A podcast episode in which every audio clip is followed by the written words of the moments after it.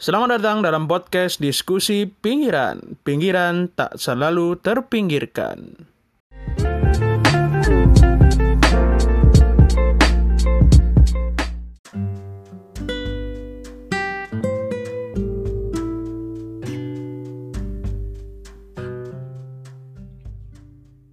Halo, Assalamualaikum. Balik lagi dalam diskusi pinggiran. Pada episode kali ini, kita masih dalam pandemi corona, namun ada lagi yang viral nih di dunia maya nih. Masih bersama saya, Rifki, dan juga Agaton dan Iqbal di sini. Waduh, udah lama nggak masuk uh, forum diskusi ya, boleh? udah lama banget nih. Iya, oleh apa uh, nyari diskusi lain deh. diskusi tahapan Apa, lebih lanjut. Nikah. Diskusi nikah. Belum dong. Belum. Kalau nggak ada calonnya sini gue passing, Bal. Oke, kali ini kita mau ngomongin apaan nih Ton nih? Kayaknya lagi ada yang Jadi- viral nih di jagat dunia maya nih. Jadi belakangan ini, Ki. Belakangan ada yang viral film pendek berjudul Tilik nih. Waduh. Tilik ini Betul. Dengan eh, apa karakternya yang khas Butejo. Nah ini gue Hmm. sebenarnya agak bingung sih. Ini kenapa Hmm. awalnya viral tuh gimana gitu. Nah gue mau nanya Iqbal ya, Bal. Ini kenapa sih Bal Hmm. awalnya viral film ini? Gua sih nggak begitu ini banget ya. Maksudnya di Twitter nggak begitu merhatiin banget. Tapi uh, lebih kayak viral mungkin karena uh, di Twitter banyak yang nge-share.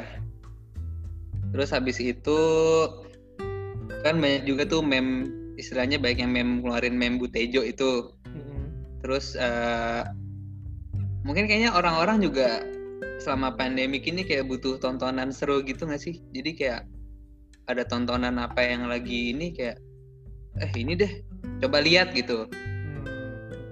Terus pas dilihat taunya ada saya sosok Butejo ini yang kok kayaknya cukup ini ya relate Karismatik dengan gitu ya. banyak netizen gitu ya. Karismatik gitu. Karismatik dan kalau gue kalau ngelihat awal itu mukanya Butejo itu sebenarnya agak ngeselin gitu kan. Ya, iya. Muka-muka sedang menggunjing orang gitu. iya. Tapi Ah, Padahal sih. ini film kan 2000 2018 Iya, kan. 2018. ya betul betul betul betul betul. Tapi ngomong-ngomong nih ya, Dan- sebelum kita ngomongin masalah viral ya, tadi kan udah dibahas sedikit sama eh, Iqbal gitu. Dan kayaknya ya, eh, sekarang nih film-film pendek, terutama film-film indie ini lagi digandrungin banget nih ya sama anak-anak eh, remaja atau anak-anak Ya, muda ah, seperti kita ini secara luas gitu. Soalnya kan Betul. dulu kan kalau misalkan kita tahu gitu ya, film-film indie gitu, film-film pendek apalagi itu kan hanya sebagian orang ya penikmatnya gitu. Bahkan Ah, komu- komunitas banget. komunitas gitu kan. Nah, eh, sekarang ini lebih eh, pasarnya lebih luas gitu. Sebelumnya ya, eh, yang gue pernah nonton itu ada film Lemantun ya. Gue pasti juga Oh, tuh. dari, ah, ah. taunya dari Iqbal tuh film Lemantun tentang lemari gitu kan. Karena bahasa Jawanya fi- eh, lemari itu lemantun. Terus juga ada film namanya Anak Lanang. Dan kalau dilihat-lihat Nah, tiga-tiganya itu syutingnya di Jogja ya. ya, ha-ha. Heeh. Jadi eh, lebih lah dapat istilahnya budayanya gitu. Tapi kalau menurut lu sih hmm, Bal, eh, apa namanya sebagai lulusan sastra nih gitu kan. Mungkin lu juga dulu di kampus sering buat film ataupun sering bedah film gitu ya. Apalagi Nah, sastra oke. Prancis kan film-film Prancis eh, banyak lah ya. Itu melihat banyak ya. banget. fenomena ini nih ya tadi nyambung masalah viral ini jadi kenapa sih kok eh apa namanya eh, film pendek yang tadinya sebagai film segmented gitu ya sekarang jadi pasarnya jadi lebih luas nih kenapa sih bal kalau menurut lu bal gue ngelihatnya eh, si film-film pendek ini kan akhirnya kan beberapa masuk di YouTube ya. iya Terus akhirnya kayak orang kan juga ya tinggal buka YouTube kan lebih mudah gitu ya. Ya udah tinggal buka YouTube dan ternyata makin banyak yang share film-film pendek itu. Entah itu mungkin tugas akhirnya beberapa mahasiswa perfilman atau gimana. Bisa di YouTube orang juga lebih gampang jangkaunya. Akhirnya eh, ya cukup viral. Dan bahkan di ekspektasi juga. Terus kedua kayaknya juga eh, penonton Indonesia ini udah cukup melek gitu ya sama film-film yang film-film pendek gitu ya ya maksudnya kayak cukup melek tuh kayak emang kan ini ya apa namanya lebih ya apa ya seleranya udah mulai inilah udah mulai bagus gitulah. Jadi ya dampaknya dari, dari, ya dari YouTube juga sih. Terus kalau ya kalau gua menurutku sih itu sih. Kalau gua lihat dan beberapa komennya juga beberapa saudara atau beberapa ini film yang bilang itu penikmat film Indonesia tuh atau penontonnya udah seleranya udah mulai bagus udah cukup bagus. Jadi nggak film luar mulu. Dan produksi film Indonesia juga udah mulai bagus kok. Dari yang film pendek sampai yang enggak ya. Iya betul, udah udah udah kualitas udah numero uno lah. Terus Hmm. untuk yang beberapa film juga ada tuh yang produs produksinya PH-nya yang bikin Lemantun tuh Hmm. itu sutradaranya sutradara muda tuh si Uregas Bagas Banuteja ya Uregas Batureja dan itu kan dia kan sempat eh, menang film pendek di Prancis tuh ya festival Hmm. film di Prancis Cannes atau apa gitu Cannes, lupa iya, cuma tuh filmnya ya, Cannes. ah, aneh ah. filmnya itu film pendek juga yang menang gue juga lupa apa nah tapi kayak di YouTube belum ada deh sempat diputerin di festival-festival doang sih sama beberapa forum kayak di for eh, ada kan komunitas film itu di apa tuh Labrana itu dengan Labrana apa namanya yang di Kemang tuh Kinosaurus Nah, Dinosaurus ya Nah, Kinosaurus kan sering eh, muterin film dan ada beberapa diskusi Komunitas juga ya? di situ komunitas. Nah, Hmm. dan sejak ada YouTube, terus kayak banyak juga beberapa PH yang masukin filmnya di YouTube, saya gratis. Ya udah orang jadi akhirnya aksesnya lebih mudah gitu, nggak cuma di komunitas datang gitu kayak di YouTube juga udah bisa langsung lihat Hmm. dan ternyata beberapa filmnya juga ya cukup dekat dengan keseharian kita lah gitu lah Hmm, iya betul. Cukup relate. betul, betul. itu sih yang bikin kayaknya akhirnya Nah, orang tuh ngomong-ngomong soal ngomong-ngomong soal kedekatan dengan keseharian kita nih ini yang spesifik Aha. dari ada, ada dari viralnya film Tilik ini apa sih bal menurut lo? Eh sebelumnya ini teman-teman tuh? listener semua pada tahu kan tilik itu artinya apa? Tilik itu bahasa Jawa ya, yang Ah. artinya itu nengok atau ya menjenguk ya. Seperti kalau kita Ah. lihat dalam film Tilik itu eh, sekelompok ibu-ibu yang eh, datang dari desa gitu ya dan kemudian ke rumah sakit yang ada di kota ya, kota Iya. DIY.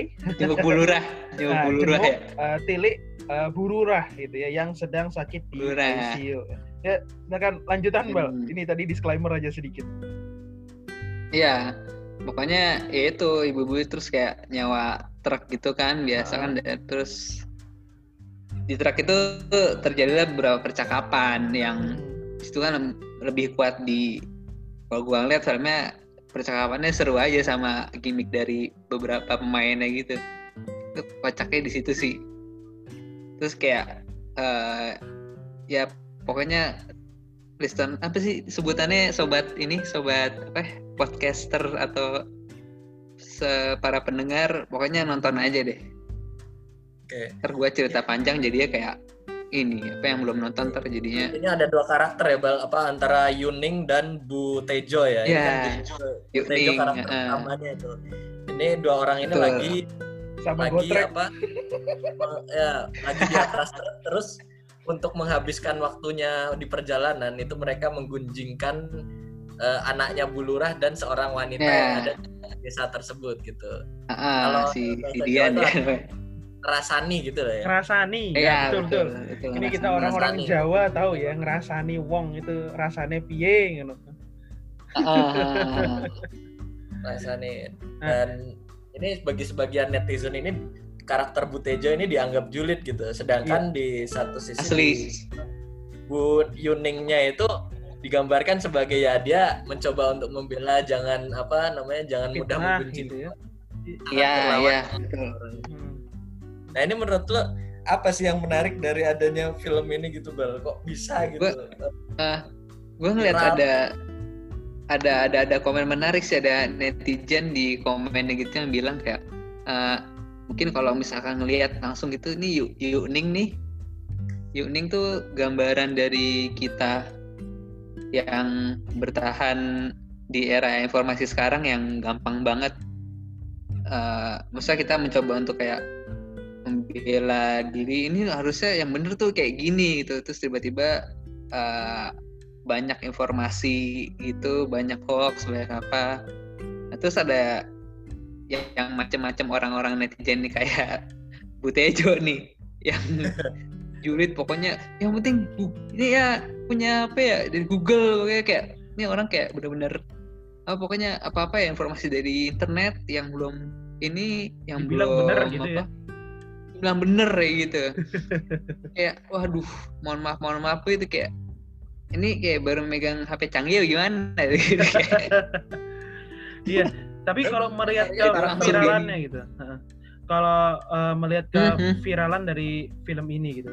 Ini geser ke Agaton nih sebagai eh, wartawan dan juga pegiat konten di Ah. sosial media nih. Gimana sih Ton lu ngelihat eh, dari eh, film ini gitu? Film pendek eh, Tilik ini. Nggak. Gak ada. Ya, gue kemarin sih sebenarnya agak scrolling Twitter gitu kan, terus Hmm. bingung. hmm, eh, itu trending kan ada namanya Zara itu eh, apa ya diduga artis gitu, terus di- eh, dipegang dadanya gitu kan sama cowoknya, terus ini viral gitu. Nah di komen-komen bawah ini kemudian muncul lah itu apa julid-julid netizen, terus di salah satu atau dua komennya itu muncul gambar seorang perempuan yang mulutnya itu lagi nyinyir atau apa monyong Yeah. ke atas pakai kerudung gitu warna hijau. Nah ini siapa gitu. Terus ah, ada di bawah-bawahnya nulis oh ini adalah Butejo Butejo siapa? Pikir gue terus gue ah, cari betul betul. Gue ya cari di YouTube. Oh ternyata ini Butejo itu digambarkan sebagai sosok yang julid dan eh, melek informasi gitu di iya jadi ada seolah-olah netizen ini menggambarkan bahwa netizen yang suka julid dan juga update informasi, suka bergosip di medsos itu digambarkan sebagai butejo gitu. betul Nah, betul ini gitu. Ya makanya ini jadi Terus sama- viral. ah betul sama quotesnya dia Hmm. yang apa Buat dadi wong tuh solutif gitu. ya, solutif yang kocak tuh percakapan oh ini aku wes raiso tahiyat itu. Kayak pas di ini tuh wah ngakak langsung itu. Sama yang ini sih apa namanya eh aku harap nguyuh ya kan? Habis Oh, itu iya. di- mau berhenti di sawah rek ojo neng kene aku diulo langsung yang lainnya nek apa ulone Pak Tejo ora wedi to Bu langsung asem itu candaan ini iya banget itu canda-candaan ibu ya tapi tapi kalau misalkan kita Ibu, ngelihat iya. dari eh, kemasyarakatan ya dari kehidupan kita sehari-hari balik lagi ke tadi gitu ya betul betul Jadi setiap orang yang ada di dalam eh, truk bak truk itu mempunyai peranan masing-masing gitu loh. Dan ya ah. eh, kalau misalkan dibandingkan eh, dengan eh, beberapa film ya, beberapa film ini termasuk yang kalau gue bilang mungkin ya kayak kayak sidul aja gitu. Jadi eh, kehidupan di dalam truk itu di di syuting gitu. Jadi kayak misalkan ada improvisasi hmm. improvisasi lain gitu kan. Mungkin juga ada Iya. settingan, cuman ini eh, lebih eh, natural kayak tiba-tiba ada salah satu ibu yang muntah gitu kan. Dan habis itu obrolannya Iya. berlanjut antara muntah masuk angin dan muntah kalau hamil gitu kan. Ya ini kan iya iya Eh, ini suatu hal yang eh, apa namanya yang bikin orang tuh ngelihat itu eh, seru gitu walaupun dari awal sampai akhir sebetulnya film ini tuh hanya menunjukkan obrolan ibu-ibu yang ada di bak Ya. truk gitu kan. Hmm, Nah, hmm, adapun adegan-adegan seperti mereka turun dari truk mau jenguk ke rumah sakit itu cuma sebentar gitu kan. Tapi yang dilihat di hmm. sini ya di adalah akhir uh, obrolan mereka gitu ya. malah tiliknya nggak ada gitu kan tiliknya nggak bisa orang Hmm, lagi hmm. di ICU mau nilik gimana gitu kan tapi uh, niatan dari ibu-ibu sekampung ini untuk nilik bulurah itu udah uh, kelihatan bahwa keguyuban di kampung gitu ya itu Hmm, sangat hmm, hmm, ini gitu. Walaupun mungkin hanya dari satu dusun gitu ya atau di beberapa dusun mau maunya gitu datang karena bulurahnya sakit gitu ya jauh-jauh dari. Bantul loh itu. Ya kebetulan ya. eh, eh, saya cukup eh, familiar dengan jalan-jalan yang dilewatin oleh truknya Gotrek itu ya dari Iya. apalagi eh, lewatin gerbang Bantul Projo Taman Sari gitu ya. Kalau saya duga itu kalau gue duga itu ya itu rumah sakitnya itu Jogja International Hospital itu jangan-jangan ya. Oh, yang ada iya, di Road Utara. Uh jauh banget itu Bal. lumayan sih. Udah, udah gitu yang yang menarik adalah pemerannya Butejo ini kalau gue lihat di kompas.com ya. Hah, eh, namanya Siti Fauzia nah dia hah, tuh orang teater.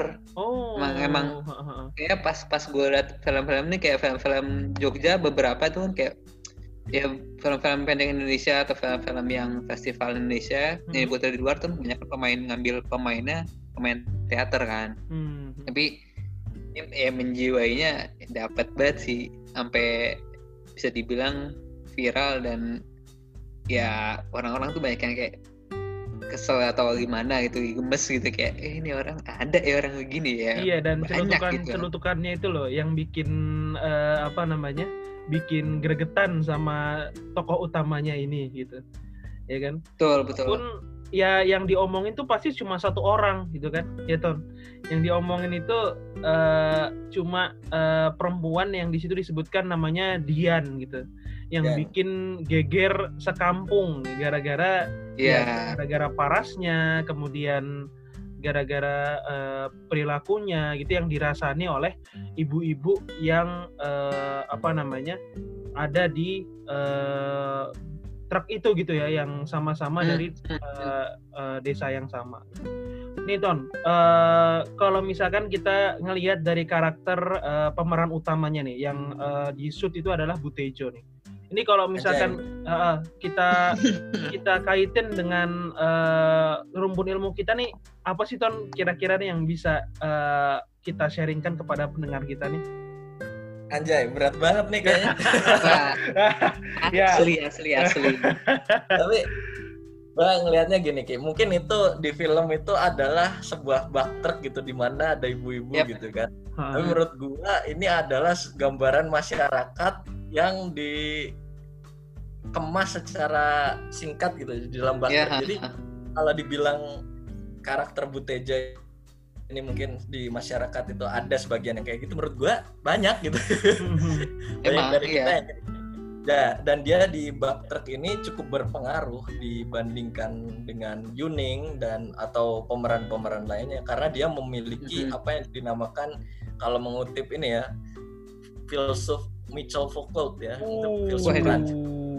kan Ya, itu- boy Uh, ini Dia dia, punya nih. pouvoir savoir. Ah, Jadi- Pova dan Savoie. Ah, iya, iya. Eh, Betul lah, Pak. Saya nggak bisa bahasa Prancis. Jadi dia orang punya- sastra Prancis nih. Oh iya benar. orang doang aslinya mah ada rakyat Bekasi jadi jadi Butejo ini punya artinya itu ya savoir itu kuasa pengetahuan. Jadi dia itu mendominasi di dalam bak truk di antara apa ibu-ibu lainnya itu karena dia punya segenggam informasi yang menurut mungkin ibu-ibu di dalam bak truk itu menarik gitu yaitu info tentang Iya, iya. Dian gosip-gosip tentang apa namanya eh, Bulura anaknya Bulura si Iya. Fikri yang katanya di Heeh. apa dihubungkan dengan Dian walaupun itu mungkin ya mungkin pada awalnya kita melihat itu hanya sekedar gosip itu yang dilihat atau Hmm. apa yang didengungkan dari mulut ke mulut atau informasi dari internet yang kita comot sembarangan gitu. Tapi dia punya kuasa pengetahuan jadi dia itu mendominasi di bak truk itu gitu. Dibandingkan dengan Yuning yang terkesan cuman defensif atau Tapi, Eh, eh, sorry lihat- reaksioner doang. Ah bener pas ngeliat Yuning tuh dia HP-nya pas telepon masih HP yang kayak jadul gitu gak sih? Iya, Iya, iya, kalau- betul betul HP kalau HP lipat ya. diperhatiin kan makanya kayak ada nelpon terus sinyalnya ini kan. Dan yang ini eh, sedikit spoiler juga kan pas terakhirnya malah bukannya nilai gitu kan kan, kan ternyata informasinya nggak jelas karena sinyalnya susah gitu kan nggak tahu kayak unik tiba-tiba kan malah US pasar gede yo gitu. Dah malah ke pasar belanja Jadi nggak iya, jadi iya. iya.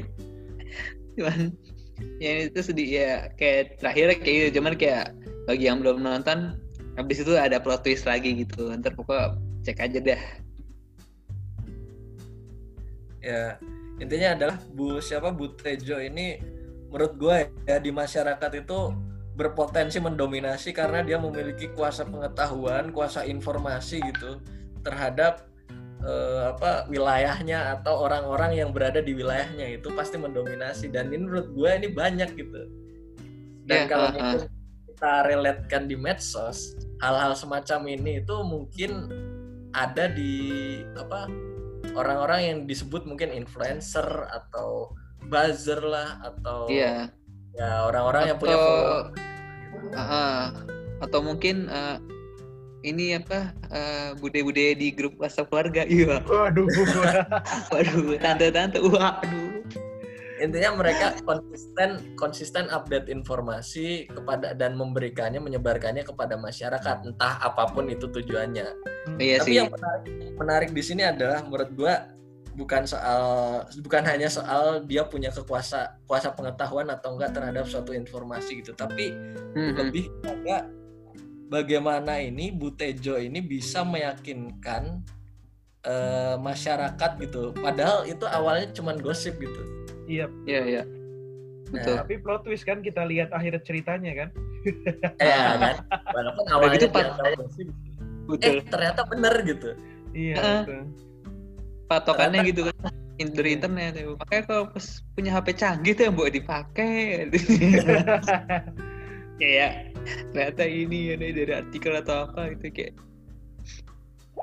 A- aku malah dapat ini quote yang menarik dari netizen gitu kayak katanya oh ternyata gosip ini adalah fakta yang tertunda katanya. Waduh, waduh. iya iya. Ya ya gitu. Maksudnya gini ya memang di internet itu atau di mana pun itu informasi tetap ada gitu dan disebarkan oleh orang gitu. Dan mungkin sebelum terverifikasi itu hanya gosip gitu. Tapi ketika Ah, itu sudah ah, ah. terverifikasi itu jem- menjadi sebuah fakta yang ya kita nggak bisa ngelak gitu. Yuning bahkan Ya. mukanya merengut gitu di akhir karena dia udah iya nggak bisa ngelak lagi. Karena apa yang diomongin oleh Bu Tejo ini ternyata benar gitu. Walaupun awalnya kesannya ju- julid gitu. Iya betul. Jadi kalau gue lihat ya si karakter Bu Tejo ini ada pro kontra gitu di satu sisi julidnya itu menurut gue nggak bagus gitu ya menurut gue gitu tapi di sisi lain kok ya bener gitu apa yang diomongin Hmm. gitu Iya betul. Hmm, Ada benernya juga gitu. ada benernya betul juga. betul Iya. terus kayak menariknya di sini ternyata gue baca lagi di kayak ada dialog dari si tokoh Butejonya ini yang improvisasi yang nggak ada di skrip dan malah jadi viral dia. Jadi adegan eh eh, apa oh, celetukan improvisa, improvisasinya itu yang dia ngomong ya jadi wong kimbo ya sing solutif ya. Jadi orang itu, yang dia, solutif itu malah jadi orang solutif ya. malah yang improvisasinya dia gitu yang ternyata kok bikin dia viral ya. Iya. ngomongnya itu- mukanya cukup ngeselin sih. Itu bal itu nggak ada di skrip ya aslinya bal ah ini gue lihat di kompas.com main informasinya begitu kayak antara lain itu Oh. nggak ada di Berarti- skrip terus dia tiba-tiba improve gitu malah jadi Indian Iya. Berarti malah jadi yang ikonik ya Iya bener. Berarti sama aja sih kalau misalkan kalau dulu kita nonton eh, sinetron Sidul Anak Sekolahan gitu ya. Itu ada Hmm, hmm, beberapa celetukan-celetukannya Babe Sabeni atau Benyamin Sueb itu yang malah viral gitu. Salah satunya itu Hmm, adalah hmm. Eh, ketika eh, dulnya lagi dimarahin sama bapaknya gitu ya. Eh, yang eh, kalau nggak salah Hmm. petikannya kayak gini. Dul, eh, Babe nggak mau lu jadi belangsak, Babe nggak mau lu tuh nanti jadi eh, apa namanya tukang buah, tukang layangan, eh, calo tanah, gitu kan. ya Eh, Babe pingin Hmm, lu hmm. jadi orang kantoran, orang pangkat, kalau perlu jadi gubernur Hmm. kayak gitu, gitu. Terus jadi gubernur beneran gitu. Rano Karno jadi gubernur Banten pada saat itu. itu Tapi bukannya ini kan Dul punya band ya? Dul punya band laki-laki kan? oh ya? bukan dulu beda Dul itu ya? beda beda ya Aduh, kita. itu itu dul dul jailani gitu Dul, Dul nih. beda jadi memang Dul jalan. Iya, terkadang kalau misalnya kita lihat itu celetukan-celetukan yang out of the script gitu ya, di luar dari script itu malah yang Hmm, hmm. eh, menjadi eh, viral gitu ya, atau orang jadi senangnya Iya, di situ gitu. Tapi nih, eh, mungkin eh, eh, terakhir juga nih ya, em, untuk eh, Oke, oke. melihat dari film-film indie yang sekarang lagi eh, menyebar luas nih kalau gua perhatiin ya itu kebanyakan film-film yang eh, bermakna gitu. Kadang-kadang kalau orang film-film yang bermakna kebanyakan Ya, betul. kebanyakan dialog itu bikin orang bosen gitu ya. Tapi eh, ini kenapa ya eh, apa namanya bisa Hmm, jadi viral bahkan di eh, apa namanya di tiga hari ketiga ini udah mencapai satu juta viewers gitu kan kalau gue lihat eh, dari Hmm, channel hmm. kanal YouTube-nya itu tuh tuh eh, gimana nih eh, menurut eh, Gaton atau Iqbal nih gimana nih siapa dulu nih Global. Nah, monggo Bung Gat dulu. Eh, gue dulu. ah lu dulu ya Iya, monggo. Jadi gue mungkin agak anti mainstream ya. Hmm. Kalau lo Iya. bilang film ini mungkin nggak membosankan, menurut gue ya kalau gue ngelihat ini film ini nggak viral, menurut gue membosankan sih melihat eh, apa namanya eh, conversation atau pembicaraan dilakukan di atas truk sepanjang 30 menitan film ya, 30 menit ya itu ya. iya 30 Hmm, menitan Iya, iya, iya. 30 menit itu menurut gua akan sangat membosankan. Tetapi karena gua ini adalah bagian daripada psikologi masa yang ada di eh, apa namanya isu viralnya Butejo ini, gue merasa jadi Ya. tenang aja gitu karena ikut jadi bagian daripada masa yang membicarakan Butejo. Menurut gua Hmm, hmm, film hmm. ini menjadi menarik karena ya ini dibicarakan banyak orang gitu. Walaupun Hmm. ya gua tidak gua tidak gua tidak eh, mengkerdilkan bahwa film itu jelek ya gitu enggak gitu. Gua gua melihat film itu bagus gitu. Ya terutama soal julid-julitannya itu. Tapi kenapa gua sampai menonton 30 menit itu bukan karena gua suka film pendek tapi lebih kepada ya gua mengikuti tren yang ada di eh, Twitter atau mungkin di media sosial kayak gitu sih. Hmm. Ya, bisa. Betul. kalau lu bal gimana bal Eh, memandangnya bal Kalau gue mungkin karena kan film selalu jadi nah buat ngasih informasi atau ngasih suatu hal yang menarik secara visual yang emang lebih banyak orang-orang bisa uh, nerima atau ya semacam kayak gitulah. Jadi ketika orang-orang uh, Indonesia apalagi ternyata makin makin melek dengan film pendek dan film-film yang produksinya memang bagus ya ada lagi ada tokoh yang ikonik gitu ya itu pasti cukup viral. Hmm. terus ditambah lagi juga menurut gua eh ya ini saran adanya YouTube ini akhirnya jadi banyak film-film pendek yang di share paling itu dulu sih. Mungkin kalau misalnya ada netizen yang mau tambahin bisa tambah tambahin di komen ya di Twitter komen di eh, akun Instagram kita ya di at Nah, betul, diskusi pinggiran. Oke. Betul sekali. Kalau misalkan gue lihat juga ya ini terakhir nih eh, dari film ini tuh eh, pasti ya dari sebuah film tuh ada dua fungsi ya. Kalau misalkan kata. Merton nih waduh balik lagi ke sosiologi ya. Kalau kata Robert K. Merton itu ada dua fungsi. Yang pertama fungsi manifest dan fungsi fungsi laten. gitu nah mungkin eh, fungsi Hmm. manifestnya secara kasat mata itu menyampaikan bahwa film ini menggambarkan tentang eh, sekelompok ibu-ibu, kemudian tadi pengkarakteran Ibu Tejo yang sebagian eh, sebagaimana rupa begitu ya, dengan eh, karakter eh, kuat dari apa namanya dialog-dialognya dan dialeknya begitu, dan juga ada fungsi latennya cuy. Kalau misalkan kita lihat ya di beberapa Hmm. film film indie itu film indie dan uh, film pendek itu ya itu ada fungsi latennya yaitu mempromosikan tempat di mana film itu diambil. Nah, sebe- kalau Nah, bisa kita lihat itu kan fungsi laten ya, fungsi yang tidak terlihat gitu. Walaupun uh, Iya. orang pasti fokusnya kepada uh, ini ya uh, apa namanya uh, dia dialek dan dialognya. Tapi ketika truk itu lewatin desa, kemudian juga uh, apa namanya di sepanjang uh, jalan dan filmnya itu ada uh, lambang dari Departemen Pariwisata Yogyakarta tuh.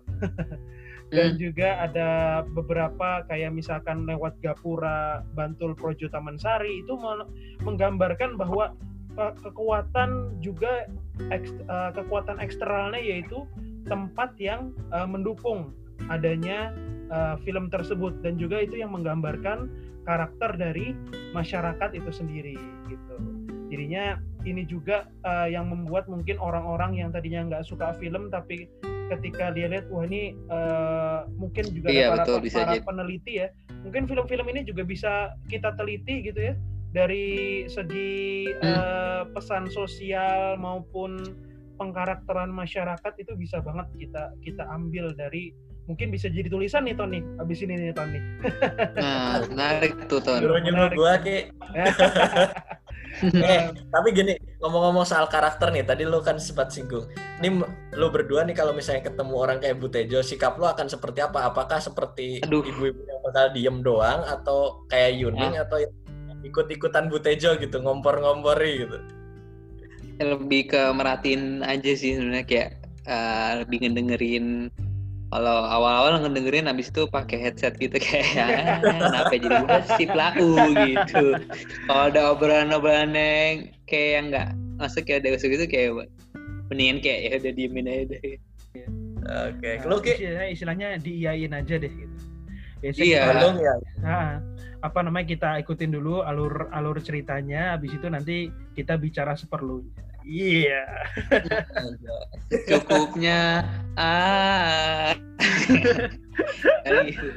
Oke, seru Nih, banget nih. Ini sebenarnya ada di antara kita ya. Iya, betul, betul, wah betul. betul betul Sangat relate sekali kan tadi eh, di eh, kehidupan masyarakat kita gitu. ya ah. Oke, eh, pokoknya eh, kita dukung terus ya perfilman eh, Indonesia, terutama karya-karya anak bangsa yang indie nih ya, yang anak-anak sekarang nih ya, yang suka ngopi, suka denger-denger lagu indie. waduh.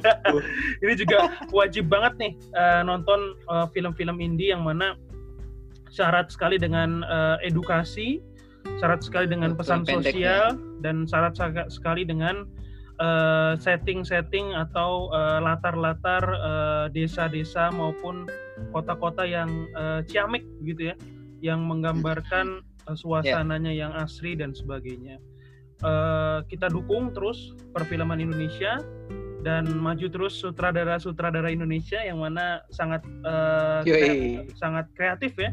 Walaupun mungkin ada beberapa yang Iya. eh, film pendek ini merupakan eh, tugas akhir dari yang tadi sempat Iqbal singgung ya, Iya betul. Ah, tugas akhir dari eh, studi perfilman. Namun wah ini udah sangat luar biasa, apalagi kalau mereka bikin film layar lebar kayaknya lebih mantep gitu ya Betul. melihat dari karya-karya Mm-mm. mereka yang Tolong sangat saudara. ada Tadi pesan. gua mau promosi promosi doang sih. Iya. Tolong saudara-saudara film pendek, HR saya sebagai scriptwriter, saya punya cerita banyak nih. Iya, mantap. Terus jangan kayak ini ki, Ah. jangan kayak menteri yang baru-baru ini nge-share film bajakan ki di twitternya ki. waduh, waduh, Waduh, jangan dong. waduh. Jangan dong, Ya, jangan Dapat dong. dari grup WhatsApp. Waduh, ini ini ini kita mau closing jadi lebih panjang lagi nanti ceritanya nih. Nggak tahu, nggak tahu kan bisa jadi. iya, Ki, iya, Bisa iya. jadi menterinya menteri Zimbabwe atau menteri Iya, mana iya, kita kan iya. nggak nyebut gitu. Iya. Masih negara hai Oke, Udah, Ki? eh, pembicaraannya seru sekali masalah film ya. Mungkin nanti ke depannya di diskusi pinggiran kita akan ada segmen baru yaitu rubrik film ya. karena namanya Boleh juga banget. eh, diskusi gitu ya apa pun kita diskusikan gitu dan mungkin cukup dulu Sabi. eh, obrolan kita pada kesempatan malam hari ini dan kami dari tim eh, diskusi pinggiran undur diri gua Rifki pamit Gua Agaton pamit. Oke, gua Iqbal pamit. dan sampai jumpa dalam diskusi pinggiran mendatang wassalamualaikum warahmatullahi wabarakatuh ciao